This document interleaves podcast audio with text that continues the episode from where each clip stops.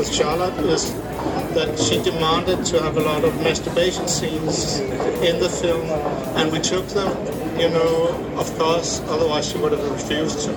But we had to, we, we cut them out. They were not necessary for the story, but necessary for her. Just for an me and my And feel good. Of course, Kirsten and other things I'm not going to talk about. That's maybe not for television, but uh, things that she uh, she needed. And I think I, I gave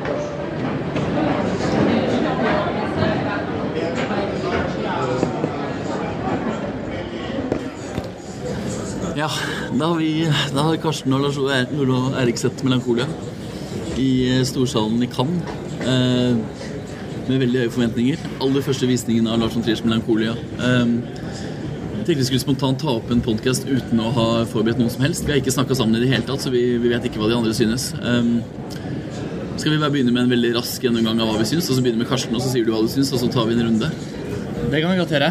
Ehm, jeg er eh, litt skuffet over den filmen. Jeg hadde ikke så høye forventninger som dere andre, så vi kommer sikkert til å ha mye å snakke om. Jeg, ehm, jeg likte den på en måte bitvis og underveis. Den er delt i to deler. Eh, del én heter Justine, som er Kirsten Dunsts karakter. Del to heter Claire, som er eh, Charlotte Gainsbourgs karakter. Og den første delen var liksom gnistrende. Det var på en måte en familieskildring.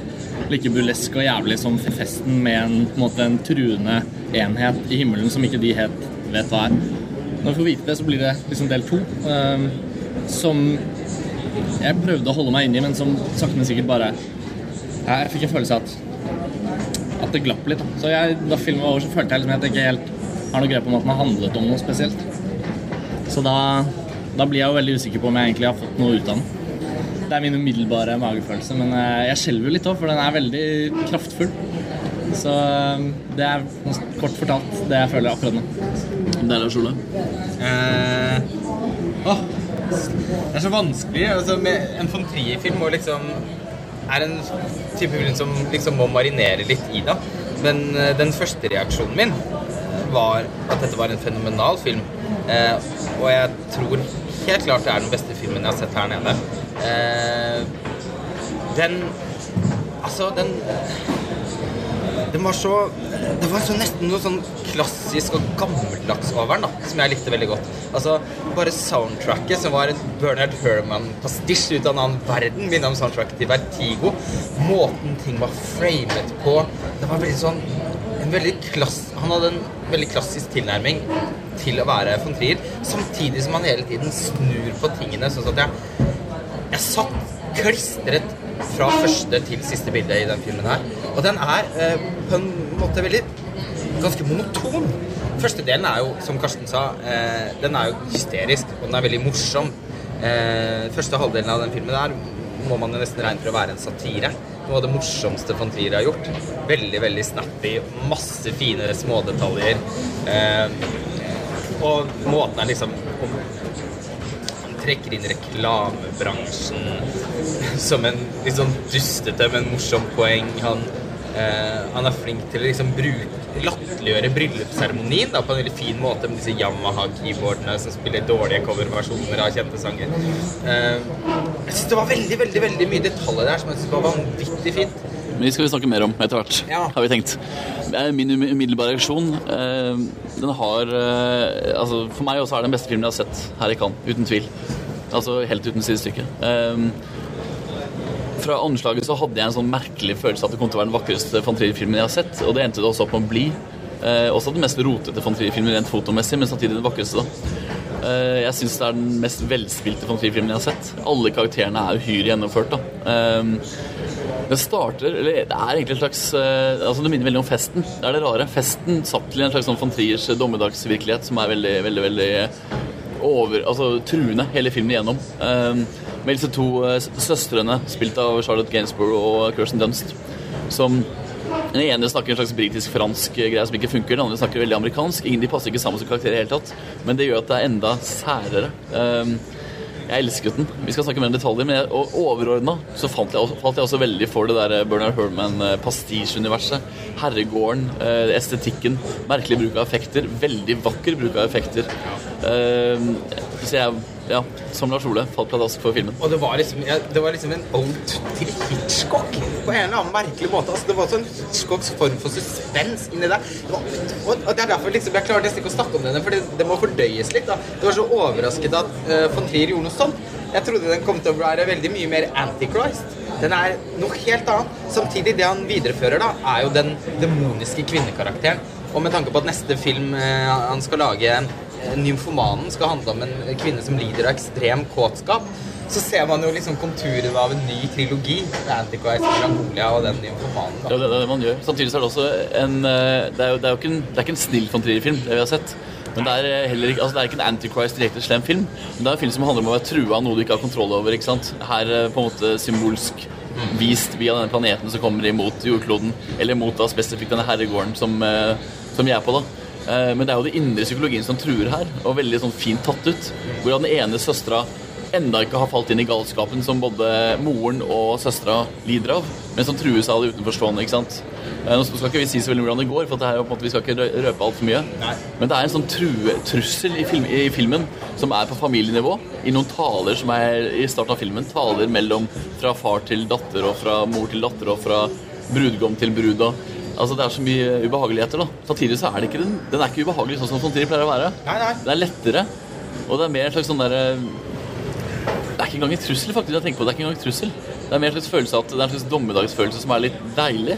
Og så er den litt sånn Ja. for ta Ja, eller For meg så ble det vi snakket om nå, handler om at jeg opplevde filmen veldig øh, Jeg har ikke sett alle filmene von Trier har laget, men jeg opplevde den som en veldig overfladisk film. da, Målt mot Antichrist. Jeg opplever at, at den trusselen gikk ikke inn på meg i det hele tatt som trussel. Det som gikk inn på meg emosjonelt, var jo i første halvdelen at familien bryter hverandre ned og hele tiden spør hverandre er du ikke lykkelig nå, er du ikke lykkelig nå? Og alt de gjør, er å på en måte gjøre hverandre ulykkelige ved å være sånn som de er. da. Og det syns jeg var innmari godt skildret. Men jeg syns det er fryktelig trist at det som er bygd opp der, særlig Kirsten Dunns karakter, da, for meg på en måte ikke anvendes eh, til noe ytterligere. Og, og, og den trusselen, altså planeten for meg, er veldig, veldig Den har kjempepotensial, men eh, sånn som det er nå, etter å ha sett den én gang, så opplever jeg at jeg sitter med en følelse at hele planeten, hele ideen om den trusselen, blir veldig kitsch, blir veldig overfladisk. Det gjør ikke noe med kitsch, men, men jeg blir på en måte sittende og liksom observere filmen. Uh, uten å være inni den. Og er det noe Antichrist uh, mer enn uh, Ja, og Breaking the Wave, som er min favorittfilm, da, men von Trier på sitt beste gjør jo at vi er så under huden på det som skjer i filmen, at vi nesten liksom mist, altså blir andpustne eller liksom blir sånn beklemmende. Og her syns jeg på en måte det var, det var så dandert eh, at det ble overfladisk på den dårlige måten, da, for meg. Men er det da, er det da kanskje fordi overfladisk fordi både i Antichrist og Dogville og, og the så er det veldig mye skriking, og det er mye følelser, og det er mye vold. Ikke sant? I en film her så er det jo ett eneste, eneste setting som skrikes en eneste gang. Uh, mens det, det er aldri skrik, det er aldri vold. altså Det er aldri brutalt. Er det da fordi faktisk du er vant på å få von Trier servert så brutalt i ansiktet at når du først da får en subtil von Trier, så faller du av? Ja, kanskje det, men det er jo ikke bare von Trier. Det er mange andre filmer som også får til det som von Trier får til, men på helt andre måte. Men denne filmen her, uavhengig av på en måte hvem som regisserte den, så følte jeg liksom at, at det var det var liksom uh, illustrasjoner av uh, mange ting. Nå særlig andre halvdel. da. Jeg, jeg tror den filmen kommer til å splitte meg veldig på et eller annet tidspunkt. Men, men jeg tenker at hvis, hvis filmen hadde fortsatt sånn som den var i første halvdel, så tenker jeg at da ville den blitt mye mindre interessant. Fordi da hadde den ikke Det er så viktig von Trier at det alltid er den lille At det er en sånn innbyrdes kamp i filmen da, som handler om at eh, man får en motsetningsfylt opplevelse. Og jeg tror det er akkurat det han vil oppnå med å lage to akter som er så vilt forskjellige fra hverandre. Og det, det den filmen her åpenbart også sirkler rundt, da, er på er, de- er disse dekade, altså De menneskene som vi ser i denne filmen, er jo så dekadente. De er så dekadente at de kan ikke De kan ikke vise følelser på samme måte som vi er vant til i en von Trier-film. Som regel er mye mer trashy mennesker, holdt jeg på å si. Her, eh, her går de rundt i kjoler og ser altså det, det er liksom et helt annet univers enn det han har vært i før. En annen film som den åpenbart minner meg om, som han jo har parafraserer litt til underveis, så er jo i fjor i Marienbad. Og den drømmeaktige Og spesielt i et av åpningsshottene er det nesten helt ja, ja, ja. Altså, det er, en, det er et sitat det, fra den filmen. Eh, og hele hagen og slottet sånn er veldig marienbadsk. Eh, for øvrig Men, men altså um, I Marienbad så forsøker jo karakterene på en eller annen måte å forlate dette slottet, men klarer ikke. Fordi de, de klarer ikke å gå ut Altså, De tør ikke å ta steget ut fra sitt lukkede univers ut i samfunnet. Og det gjør de jo heller ikke i den filmen her. En hysterisk replikk i andre akt der da Charlotte Gainsbourg setter seg i golfbilen og skal kjøre til, til byen. We have to go to the village. Og Kirsty Dunst responderer This has nothing to do with the village. så blir de Men, men det er også veldig morsomt, for det er også virke som at dommedagen er jo, er jo kun på herregården. Det er jo ingen dommedag i resten av verden. Nei. Som jeg får en veldig tydelig følelse av. Det Det er jo kun der, og det er jo selvfølgelig en indre dommedag det handler om. ikke sant? Det er også veldig viktig å understreke at eh, Charlotte Rampling, jeg blander de, Charlotte Rampling så har en veldig veldig liten rolle som moren eh, i denne filmen. her. Og hun, hun spiller en veldig veldig, veldig solid birolle. som får veldig, altså Hun gir oss følelsen av at i denne familien så har det aldri vært noen som har kunnet reagere eller si noe, skrike eller si noe direkte. ikke sant? Så den følelsen at alle er kua, kommer fra henne, er motivert av henne. ikke sant? Og så har vi en farsfigur på andre siden, eh, John Hurt, veldig veldig spilt, som er en slags klovn. Og som tuller, ikke sant. Så vi har den tøysete faren og den strenge moren til å sørge for at ingen, ingen av søstrene tør noensinne å la sine følelser slippe ut. da. Og det ene har blitt selvfølgelig ekstremt melankolsk og, og depressiv, den andre har blitt en slags eh, tar veldig vare på sønnen sin og veldig moderlig og veldig, eh, veldig flink, da, i eh, anførselstegn. Og det skaper jo en kontekst tidlig i filmen som gjør at vi skjønner at her kan ingen la følelsene sine gå amok. Det jeg tenkte var at han kanskje kom til å gjøre det i siste akten allikevel. Ikke sant?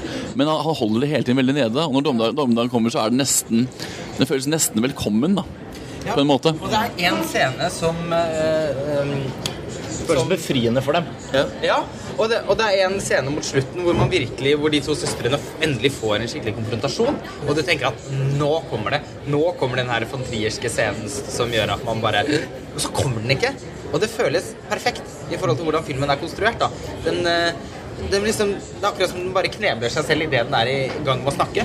Og så kommer slutten. Nå skal vi selvfølgelig ikke si noe mer om hvordan det ender, men det er men det er jo- ganske innlysende. Ja, Det er jo en tagline i markedsføringsmaterialet, så jeg tror ikke det er spoileren eventuelt. da. Folk har kanskje mindre lyst til å vite om detaljene underveis i det som skjer. Men Ja. en ting jeg lurer på hvordan dere har følt om, fordi jeg, jeg opplever at den planeten er jo ment som både på en måte å være en slags Hvis vi tar den helt bokstavelig, så er den jo en kosmisk trussel mot livet på jorden. Samtidig så er det jo er det jo utvilsomt noe sånn det utenommenneskelige, hvordan naturen eller universet styrer våre skjebner. At vi kan på en måte, vi kan bygge opp og øh, øh, vi kan forsøke å bli lykkelige, som jeg tror kanskje egentlig er et kjernespørsmål. da. Hvis vi skal se at von Triers hadde psy- psykotraumatiske fortid først ga oss øh, Antichrist, så føler jeg at denne hører til. Men dette er liksom lykkepille von Trier.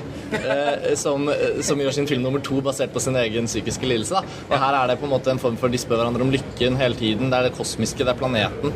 Den, men, men det jeg savner, som jeg kanskje ikke skal lete etter, da, men det vil kanskje vise seg på andre visning, er jo det der litt sånn groteske ved naturen. For naturen er jo den som liksom eter seg inn i oss. Uansett hvor menneskelige vi vil være, så er vi på en måte dyr. Og, og, og, og nå er det ikke det. Det er veldig fraværende i filmen. Det er denne hagen, det er golfbanen, det er det minst naturlige i naturen. Og det syns jeg var utrolig morsomt. da At han liksom, Når han har vært helt inne i urskogen i Antichrist, så trekker han nå veldig fram det liksom gjennomproduserte, veldig sånn kulturelle. Eh, med disse, golfbanen er jo i det hele tatt et veldig viktig motiv i filmen. Blir hysterisk morsomt brukt når, når Kirsten Dunst knuller han ene på festen i den sanddumpa. Det er, bare, det er noe av det mest hysteriske jeg har sett. Og også et fint klipp hvor, hvor det skjer noe, og så ser man i bakgrunnen en åpen dør ut mot eh, hagen. Ja. Og så går karakteren ut av bildet, og så blir bildet liksom i to sekunder, og det står en golfbil Ja. utenfor døren. Så- Men også, men også veldig viktig poeng at når, eh, når Kirsten Dunst forsøker å forlate dette perfekte Strigla-golfmiljøet, herregårdsmiljøet, så kommer hun ikke over den broen hun må komme over for å komme inn i skogen.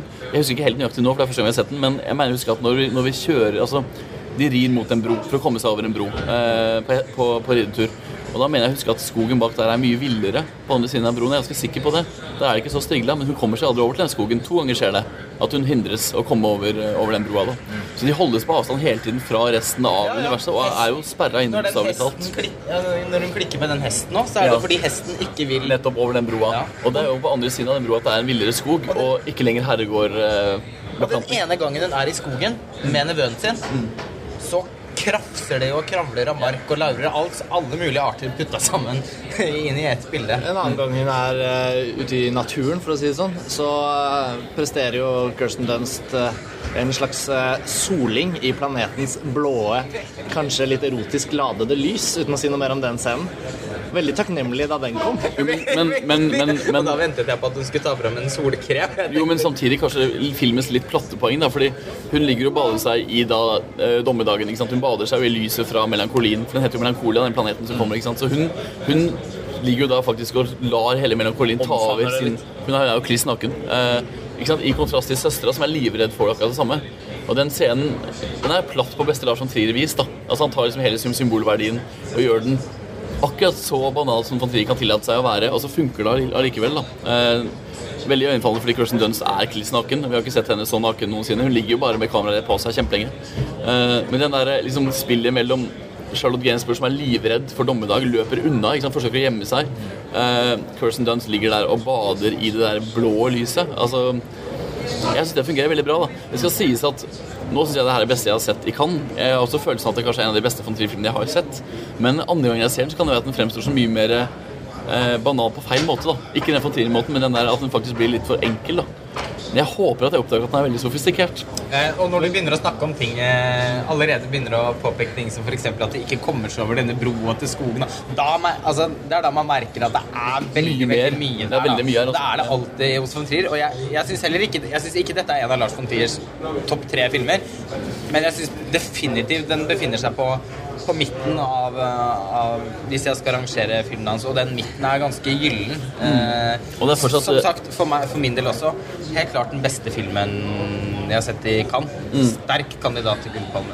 jeg. Jeg kan jo da kime inn at jeg ikke syns det er den beste jeg har sett her nede, sånn ved første gjennomsyn, men eh, det gjør ikke den nødvendigvis til noen dårligere film. Men jeg, jeg, jeg tror kanskje, apropos det du sa, Erik, jeg håper virkelig også at eh, det dukker opp på en måte de derre de der litt sånn stygge lagene som gjør at gjennom, gjennomsyn to, tre osv. fyller filmen med nye tanker og nye opplevelser. Samtidig så må jeg jo si at magefølelsen min var at det er, her er det liksom denne overflaten har ikke så mange store spørsmål ved seg som jeg på en måte kan dykke Men- videre ned i. Da. Det Da, er da, da magefølelsen. er jeg veldig uenig, fordi første filmen er veldig stygg ved første gangs gjennomsyn. Uh, vi har en morskarakter som er en, en heks. Uh, og jeg, jeg trenger ikke å få det servert eh, med et slag i trynet liksom, for å kunne forstå at hun er stygg. Altså Hun er psykopat, den, den dama. Eh, vi har en uten å spoile hvem det er, vi har en karakter som begår selvmord her, som egentlig skal være selve mm, redningen, da, som er på en måte håpet i hele historien. Han begår selvmord når alt går til helvete. Så det er veldig mye svart her som ligger i bunn. Og jeg, jeg er frustrert. Jeg, jeg håper publikum hjemme i Norge og generelt nå ikke forventer å få en von Trier-film som slår dem midt i ansiktet, for det får de ikke her. Nei, ikke. Men at de allikevel har tålmodigheten til å kunne se det von Trier prøver å gjøre, som er nettopp å gjøre noe svart på en mye mer subtil måte. da. Så håper jeg også kritikerne som sablet ham forrige gang for å, for å bedrive kvinnehat, selv om det var helt idiotisk den gangen også. Mm. Men dette er jo virkelig en pro-feminin film.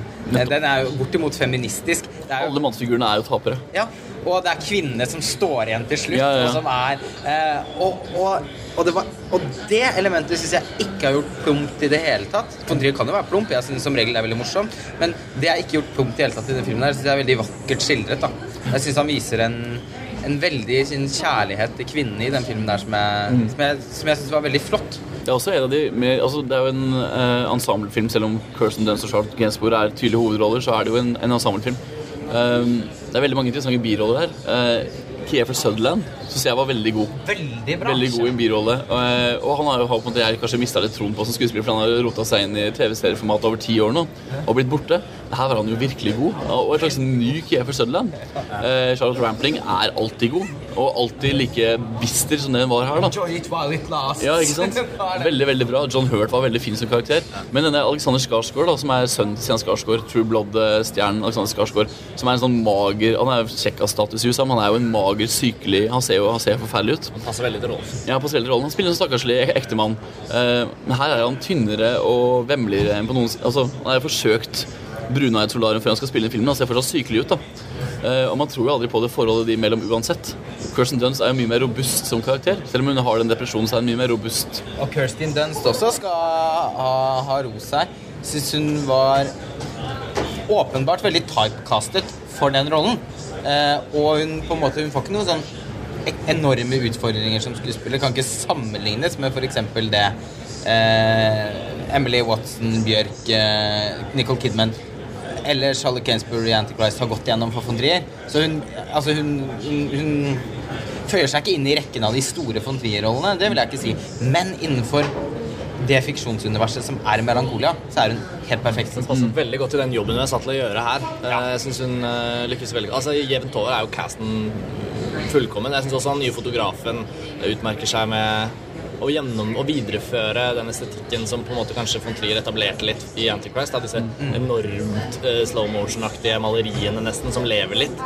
Hvor det er en slags sånn prolog uh, før filmen, eller før handlingen begynner. Nok, nok en gang en prolog da, Ja. for von Trier, som igjen er pustbelønnende flott. Eh, de første ti minuttene av Melancholia er jo på en måte så bedøvende bra. Det er som å gå i et galleri fra bilde til bilde. Men samtidig, da, jeg syns det er det mest eh, rotete og kanskje frustrerende håndholdte fotoet jeg har sett på ganske lenge. Eh, spesielt så er det en, en, en sekvens inne på selve bryllupsmiddagen hvor kameraet på en måte skal fange opp veldig mange karakterer og gå imellom forskjellige taler, eh, hvor det er veldig rotete foto. Og ikke rotete som en effekt, men rotete for at det er ganske amatørmessig. Altså, er, bare, det er ganske irriterende mye av fotoarbeidet. Så jeg synes han, han gjør seg godt som fotograf i tablåestetikken til Lars von Trier, men det håndholdte Lars von Trier funker ikke med denne fotografen her. altså. er han Manuel Alberto Claro, da, han som fotograferte Limbo. Ja, samtidig. Eh, ja. En ting som jeg tror spiller inn her Jeg la merke til at han ikke har den samme klipperen som før. Anders Reffen var ikke klipper på den filmen her. Det var Ja, en annen assistant. klipper som jeg ikke kjenner til så Anders Reffen var assistant director. Ja, jeg sa det. Men uh, Anders Reffen er jo kjent som klipper til å være helt brutal på å få ting til å fungere og liksom ta ting ut. Og jeg, jeg mener filmen trakk litt ut. Den, den, den kunne vært strammere uten å miste noe. Eh, det kan også ha veldig mye med hvordan de håndholdte scenene blir liksom Ja. bygd opp i seg selv. Det var bare så tydelig at du, Trier hadde regissert at det skulle være et kamera som fløt mellom bordene, litt sånn håndholdt à la festen. Bare det skulle være litt mindre kaotisk enn festen, men det var veldig festen-aktig, da. Eh, og med en ganske mye penere lyssatt enn det var i festen. Her var det mye mer Det er ganske gjennomført. Men eh, ja, ja, uten tvil. Men eh, det var noen sekvenser som irriterte meg, fordi jeg, jeg mista på et tidspunkt liksom kontakt med dramaet i bryllupsfesten, fordi det var for rotete foto. Men, men, men ikke sant, jeg tror kanskje det kan ha noe med å gjøre med at uh, den tidligere fotografen han har brukt de siste gangene er jo Anthony Dodd Mantle, som er en håndholdt fotograf. Nei, ja, nettopp. Uh, og som i tillegg mestret tablåestetikken i eh, Antichrist, men den er bare dryppvis. Det er i prologen og epilogen og et par scener underveis. Eh, men der er det det som bryter med, med det håndholdte ellers. Her er det motsatt. Her, her er filmen jevnt over ganske sånn polert, da. Og når de håndholdte sekvensene kommer i de, eh, inne på bryllupsfesten og i de litt mer sånn dramatiske sekvensene, så er det egentlig det som bryter med filmen for øvrig. Og det er jo kanskje tydelig at han Manuel Alberto Claro ikke er like komfortabel med en sånn type Ja, estetikk. jeg, jeg synes det virker nesten sånn. Altså. Der, derimot så er han jo veldig god på Det er blant annet et eh, helikopterbilde av, eller to helikopterbilder av søs, søstrene som rir inn i, inn i skogen. Ja. Et hvor det er noe slags- lagt på en slags digital tåke. ehm, som var veldig veldig flotte, og som ga en sånn eventyrstemning som jo var i Antichrist. Uh, litt den samme fabelfølelsen. da Uh, og det der myteskildringen til Lars von Trier føler jeg er det nye prosjektet hans. Han lager sånne myter. da Igjen, liksom, Vi snakket om myter i hele, hele Cannes-festivalen. Det har vært mange myter der. Men det der, liksom, han pakker alt inn i en sånn eventyr, eventyrkontekst som er avgrensa. Ja, ja. Det her var jo rene Mio min Mio. Ja, men det var faktisk det. Det var liksom litt den følelsen som var i det. Ja. Selvfølgelig også med denne Bernard Herman-pastisjmusikken som var veldig tydelig. Altså, det var jo nesten eh, påtagelig. Ja, også, og- men også liksom virker det seg som man har forelsket seg i veldig mange av de klisjeene også, som tilhører eh, altså myte-eventyrklisjeen med hesten som klakker. Og det virker som man har så sykt lyst til å, til å lage de bildene der. Jeg vil også lage en, en, en sånn film. Og kreativiteten i forhold til kanskje symbolbruk. da. Eh, Jeg syns prologen her eh, skiller seg veldig fra hva som skjer i Antichrist. For i Antichrist så fortelles det jo en historie i åpningsprologen som setter premisser for hele filmen. Mens her i Melankolia så virker det som om de bildene i prologen er brukt som sånne symbolske introduksjonsstemninger til hver karakter. Kirsten Dunst liksom står der med liksom tapt, eh, tapt humør, og det regner døde fugler rundt henne. liksom. Der har vi henne. Og så søsteren. Overbeskyttende, sunket ned i golfbanen som en sånn myr. Hvor jo, sånn, det var mange, jo, og, og, Slottet introduseres som et slags marinbad, ikke sant, hvor, hvor eh, Ja, det er mange mange av de bildene som egentlig etablerer det, det, det ene kunstverket som jeg ikke kjente igjen, som lå under litt sånn vann, og som så plutselig så begynte det å brenne. Det er som hun blar opp senere. Brugel. Ja. Og han, og det, det var, han, han var veldig opptatt av både Brugel og Hieronymus Bosch når han lagde Antichrist. Da. Og åpenbart at han Ja. ja. Nei, det er veldig, si det er veldig, det er veldig, veldig mye å si eh, om den filmen. Vi skal jo gjøre masse på den etter hvert. Vi kommer til å skrive en kjempelang artikkel om det. Vi kommer til å følge det opp eh, ja, med ganske mye materiale etter hvert. Eh, men det var- gi en liten, liten smak Melankolia fra Cannes. Ja, for vi sitter jo her nå, eh, og noen meter eh, unna. Så har vi pressekonferansen med von Trier og gjengen. Så det vi tenkte nå, var å bare gå bort og la dere høre litt på den. Vi vet ikke helt hva som blir sagt, men vi tenkte å avslutte med det. Og så returnerer vi til mye fyldigere dekling av Melankolia etter hvert. I forbindelse med norsk kinopremiere. For det er jo ikke så lenge til. Ikke sant? Ikke sant? Veldig bra. Takk for at du hørte på. Takk for nå denne gang. Takk for nå.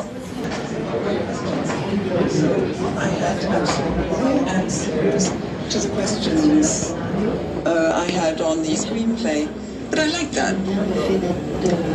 In fact, I like uh, being in the dark to a degree. Otherwise, first of all, we shot the marriage scenes with uh, all the uh, pomp and ceremony, and then things became far more intimate towards the second half of the film, in fact. Madame? Um, hello, I'm Marissa Anita from Metro TV Indonesia. I have uh, questions for Mr. Von Trier and, of course, Ms. Dunst. I have two questions for you, Mr. Von Trier. Um, I read that previously you did not realize that when you saw the poster, uh, you were very happy about your film. And my question is, are you now happy with your film and how it turns out? And the second one One, is... one step at a time. Yes. Okay, second step. Second step.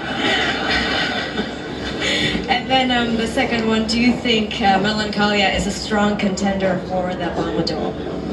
Oh, yes, I do. Thank you. Oh, yes, I do. Oh, yes. Oh, yes. Um, the, the, the other part, what was the other part again? Oh, if I'm pleased with the film, I, it's, it, it was a very big pleasure to do the film, and I maybe it was, you know, all this Wagner stuff that we kind of put in that kind of we got carried away a little bit. So, so that everything became all romantic, and, which was nice to do, very nice to do. But, but then when I saw it in bits and I saw the, the, the stills from it, I, I kind of rejected it a little bit. So, so, so I'm, I'm, I'm not really sure. I, uh, maybe it's correct. um, of course, I hope not, but uh, there's a quite a big possibility that this might be, you know, really not the thing.